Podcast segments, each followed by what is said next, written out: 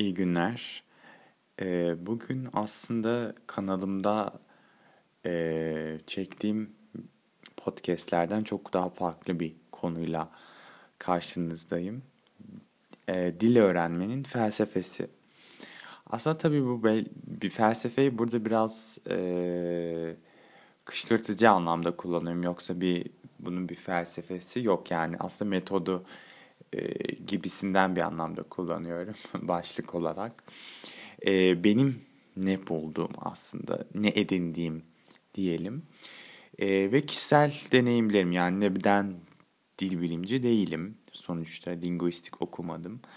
Ancak e, kişisel olarak e, kendi tecrübelerimden e, yola çıkarak ki e, bunu uzun yıllar e, ilgim oldu ama dilin e, dil olmasın nedeniyle birazcık bu ilgim gelişti.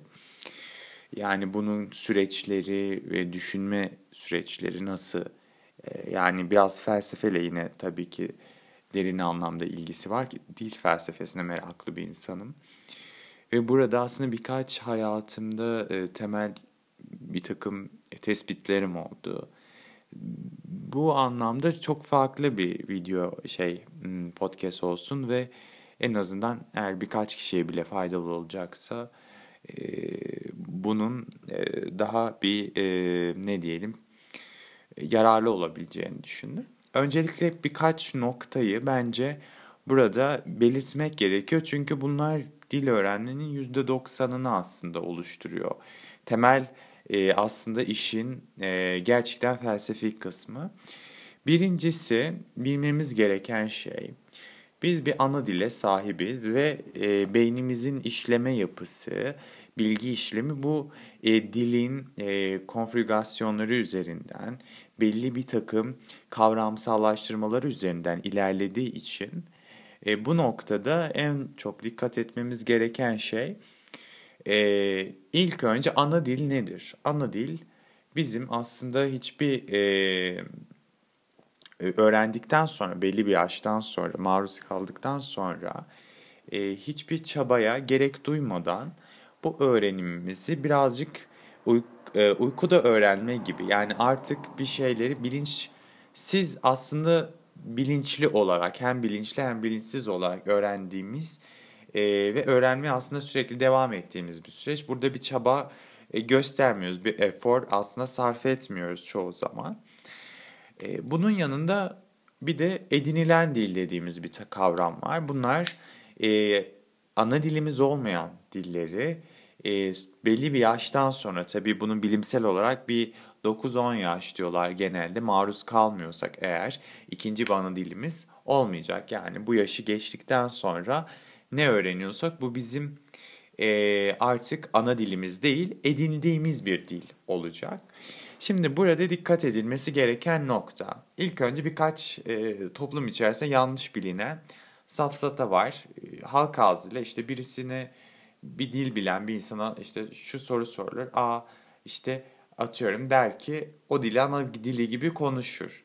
Birincisi böyle bir olay söz konusu değil. Eğer bir kişi edinilen bir dille konuşuyorsa bu e, hiçbir zaman ana dil seviyesinde konuşulamayacak demek. Çünkü ana dil aslında kişinin e, gerçek anlamda e, düşünmeyi geçelim burada. Düşünmek tabii ki içerisinde hem düşünüp hem de yaratım süreçlerini yani e, bir şeyler ürettiği, düşünsel bir malzeme çıkardığı e, ve bunu yaparken hiçbir efor sarf etmediği e, bir yapıdan bahsediyoruz ve hiçbir zaman aslında şunu bir kenara bırakacağız. Her zaman e, öğrenmeye devam ettiğimiz bir süreç olacak. Yeni bir dili öğrenmek, edinilmek aslında dili. Ve burada şu gerçeği kabulleneceğiz. Hiçbir zaman ana dil seviyesinde e, öğrenemeyeceğiz. Yani ana dil e, seviyesinde öğrenmiş yani ana dili olan bir kişiyle hiçbir zaman yani bu isterse siz e, 10 yaşından sonra yaşayın e, bir yerde diyelim e, hiçbir zaman onun seviyesinde yani çok yakın olabilir hatta hissedilmesi zor olabilir ama genellikle her zaman bu ortaya çıkar ki bunun üzerine birçok araştırma var. E, bakıyorsun Türkiye'de 40 yıl yaşamış. Çok güzel konuşuyor.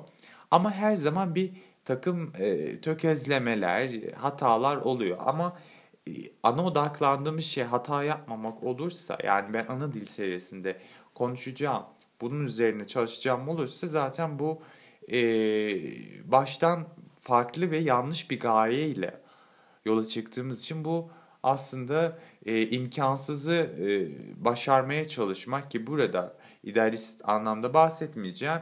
Bu bir imkansız yani. O imkansız o şekilde kalacak. İlk önce bunu oturtmak gerekiyor. İkincisi benim gerçekten çok gözlemlediğim bir şey. Dili öğrenmek için, bir dili öğrenmek için farklı e, motivasyonlara sahip olmak gerekiyor. Bu iş için olabilir, e, eğitim için olabilir e, vesaire vesaire. Bunu çoğaltabiliriz, kişisel ilgi olabilir. Ama bu motivasyonlar evet farklı olabilir ama hepsinde ortak olması gereken bir özellik var. Mecbur ya da mecbur değil. O da şu, bir dil e, sadece motomot kelimelerden ibaret değildir. Aslında e, her kelime işte bu post yapısalcılıkla ya da Saussure'ün dil bilimi kuramlarıyla da e, perçinlenmiş bir şey. Siz istediğiniz kadar kelime öğrenin, şunu bunu yapın. O dilin kültürel havzasını yani e, düşünsel e, statiklerini öğrenmeden e, asla o dilin çözümleyemezsiniz. Burada mesela şöyle bir örnek verelim. Benim profesyonel anlamda öğrendiğim dilim Japonca e, ve işte çok uzun süredir öğrendiğim bir dil. E, onun üzerinden örnek vereceğim de olarak. Ben işte felsefi metinlerde gördüğüm birçok kavramsal e, şey var. Yani çeşitli kelimeler var. İşte mesela choetsu aşmak yani transcendent anlamına geliyor. Ama bunun yanında bir de çok oku var. Yani aslında çeviride ikisini çevirirken de aynısını çevireceğim. Ama ben bir felsefeyle uğraşıyorum ve ikisinin farklı anlamları ihva ettiğini bilmem gerekiyor ve bunun e, içerisinde işte çoğetsi bildiğiniz aşmak yani onu e, geçmek ve ondan aslında bir kalıntı dahi kalmadığı anlamına geliyor. Ama çoğu koku ise biraz daha İngilizce'deki diyelim surmount gibi eklemlenerek daha iyisini yaparak aşmak onu. Yani bu bile aslında belki Türkçe'de bu şekilde bir kelime ben bulamadım. Yani bakın birkaç üç kelimeyle ifade ettim. Çoğu koku için nedir? Üstüne katlayarak onu da ihva ederek aşmak dedim. Yani benim için bu Türkçe'de böyle bir kelime yok. Ama diğeri aşmak yani bir kalıntısının dahi olmaması. Şimdi ne olmuş oldu? Ben bu düşünsel içeriği bilmezsem ikisini yanlış yerde kullanabilirim. Yani özellikle profesyonel anlamda bu çok büyük e, yanlışları sebebiyet verecek. Yani sizin e, beğenin ya da beğenmeyin mecburen o dilin e, kültürünü, coğrafyasını yani doğduğu bölgenin özelliklerini en azından bunu anlayacak düzeyde bilmeniz gerekiyor. Fransızca için keza böyle, e, Japonca için ayrı bir öyle. Yani bunları e, bilmek çok önemli demek ki. Bunları anlatıyorum çünkü bence e, yani her türlü işte kelime ezberleme tekniklerinden falan bahsetmeyeceğim bu podcast'te çok üzgünüm ama birkaç tiyol verebilirim belki. Sadece %90'ının ben bu olduğunu düşündüğüm için e, ve insanlarda da özellikle kendi e, çevremde ya da işte Türkiye'de en fazla bu eksiklik olduğu için söylüyorum. Birincisi demek ki hiçbir dili eğer edinilen bir dilse ana dil seviyesinde öğrenemeyiz. Ama çok akıcı e, ve rahat bir şekilde konuşabiliriz. Bundan emin olabiliriz. Bu demek ki e, şeyi, obsesyonu aşmamız lazım. E, ikincisi ise dediğimiz gibi dili, kültürü, coğrafyasıyla birlikte, düşünsel statikleriyle birlikte öğrenmek gerekiyor. Eğer sizin böyle bir motivasyonunuz yoksa, bu kurucu bir motivasyon çünkü, o zaman o dili öğrenemezsiniz. Bu çok benim yani gözlemlediğim bir şey. Çünkü insanlar atıyorum bir Fransızca yazı geliyor e, o kadar kuru, o kadar e, o dilin düşünme mantığını almamış ki yani direkt motomot çeviri, bir ruh yok. Yani aslında e, atıyorum bazen biz bir yazı dili vardır, bir de gerçekten bir konuşma dili vardır. E, ve her zaman işte yazı dilini konuşma dilinde kullanamazsın. E, bunu öğrenmek kitap okusanız e, bu her kitapta anlatılacak bir şey değil ya da bunu e, anlatmak, aktarmak o kadar zor ki bunu direkt olarak deneyimlemek gerekiyor. Bu da tabii ki üzerinde durulması gereken de bir şey yani. Buna dikkat edelim. Yani ben özellikle bu Fransızca tabii oldu bu işte dilin kültür yanını daha çok kavrama. Çünkü çok fazla ifade çeşitleri var. Yani bir e, cümleyi çok farklı şekillerde kurabiliyorsunuz. Çok güçlü bir dil bu manada ama e, ben en çok işte Japonca öğrenmeye başladığımda gerçekten insanların e, düşünme mantığının çok farklı ilerlediğini öğreniyorsunuz. İşte birkaç örnek vereyim burada podcast'i de güçlendirmek adına. E, işte Japonca'da ki kavramı. E, şimdi ki burada e, nedir? Aslında bunun felsefi bir dayanağı var. Chi'den geliyor. Yani Chi enerjisi, enerjisi deriz. Yani Çince'den gelen bir e, kavram. Bu aslında evrensel bir enerji, e, bir e, yani çakralar, farklı çakra bölgelerinde olan bir e, ruhsal bir enerji. Ama bu her şeyin içerisinde bir chi enerjisi var. Şimdi bu felsefenin, bu düşünce yapısının dile nasıl etki ettiğine bakarsak Japonca'da chi ki yani bu bedenimizde bir, bir belli bir ki var. Ve bu ki ile mesela e, kyo ushinao, kiga ushinao. Yani ushinao kaybetmek. Yani aslında çeviri yaptığımda bilincini kaybetmek diyorum ama aslında onun dayanağı e, o ki'yi, o enerjisini kaybetmek anlamına geliyor. Mesela diğer kavram kiyotsukete. Kiyotsukete kavramı ki e, enerji ya da o ruhsal e, şey çakralara dolan yaşam enerjisi ve kiyotsukete, tsukeru da Japonca'da bir şeyi tutturmak, bir şeyi e, tutmak demek. Bir şeyi nasıl söyleyeyim yapışık halde, e, attach gibi. Yani diyor ki bu direkt çeviri yaptığımızda kiyotsukete kendine dikkat et. Ama e, literal yani edebi çevirisi ise ki'nin yanında tut. Yani o evrensel enerjini her zaman yanında tut. Böylece kaybetme onu. Dikkatli ol gibi bir anlam veriyor. Yani bu ki ile bir sürü Japonca'da ifade ettiğimiz şeyler var. E, bu bakımdan mesela bunu da e, belirtmek e, gerekiyor. Yani bunu öğrendiğim zaman e, ne oldu?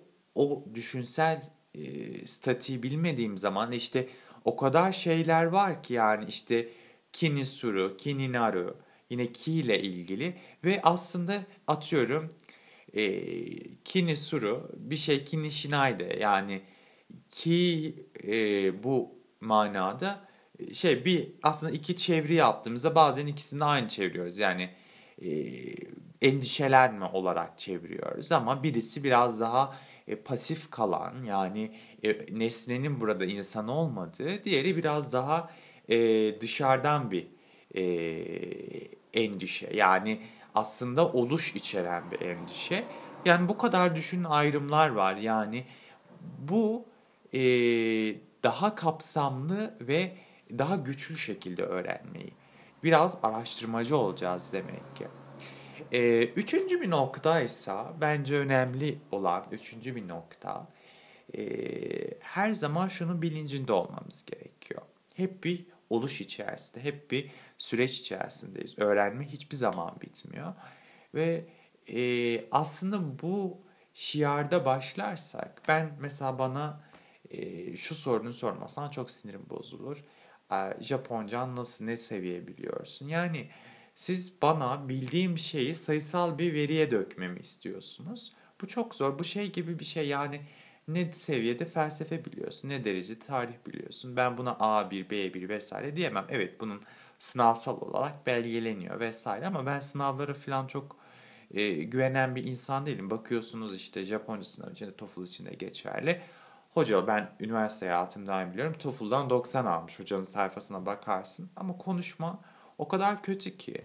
Yani TOEFL'da ya da daha doğrusu IELTS'te konuşma da var ama yani demek istediğim e, bu birincisi sabitleyebileceğimiz bir şey değil. Hep demek ki bir oluş var.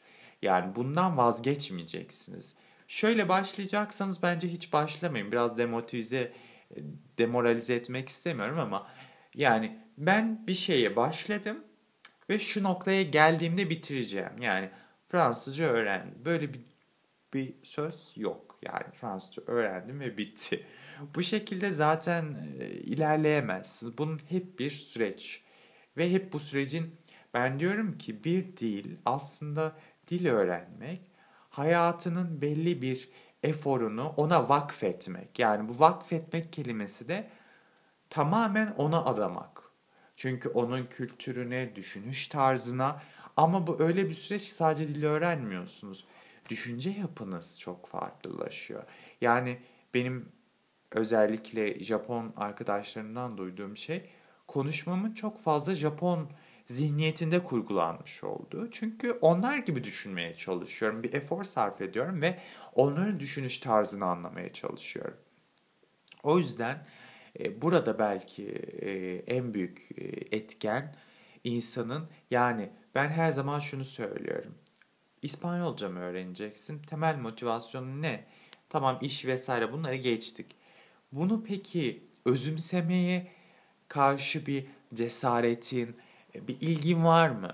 Eğer bunu özümseyemeyeceksen yani bu gerçekten çok kuru, çok e, yani başarısız ve çok oldumcu bir süreç olacak. Yani ben şu seviyeye geldim ve bitti. Yani ben karşılaştığım temel problem de bu. Bir tutku bu aslında yani. Bu ya ben katı statik şeyleri kesinlikle karşıyım. Herkes İngilizce bilmeli. Evet ben de zorunluluktan dolayı öğrendim ama bunun böyle olmayacağını mesela anladım. Zamanla da bunun düşünsel süreçlerine iniyorsunuz. Ama hep şunu gözlemledim. Dayatmayla, zorlamayla, işte ısmarlamayla hiçbir şey olmuyor. Dil de böyle bir şey. Yani işte temel İngilizce eğitimi koyduk vesaire ya da neden çocuğum İngilizce öğrenemiyor. Ya öğrenmesin hani bu bir zorunluluk değil ama ona şunu öğret. Yani bir e, dil edinilen bir şey ve bu süreç asla bitmeyecek. Sen buna e, ilgin var mı? Yani gereklilik dışında bir ilgin var mı? E, bu kültüre, bu şeye karşı. Eğer yoksa belki farklı bir dille ilgisi vardır. Herkese dil bilmek zorunda değil gerçekten. O yüzden e, ben herkes gibi oturup şimdi dediğim gibi yani kelime nasıl söylenir vesaire ben de bu konuda sıkıntı çektiğim zamanlar oluyor. Ama bu konuda da şunu söyleyebilirim en fazla. Ee, bazen gerçekten çok fazla e, kasıyoruz kendimiz işte kelime defterleri şunlar bunlar gerçekten bir süre sonra o e, eforu da bıraktığınız zaman aslında çok fazla da bunun işe yaramadığını görüyorsunuz. Bu benim belki hani öğrenirken e, metodik anlamda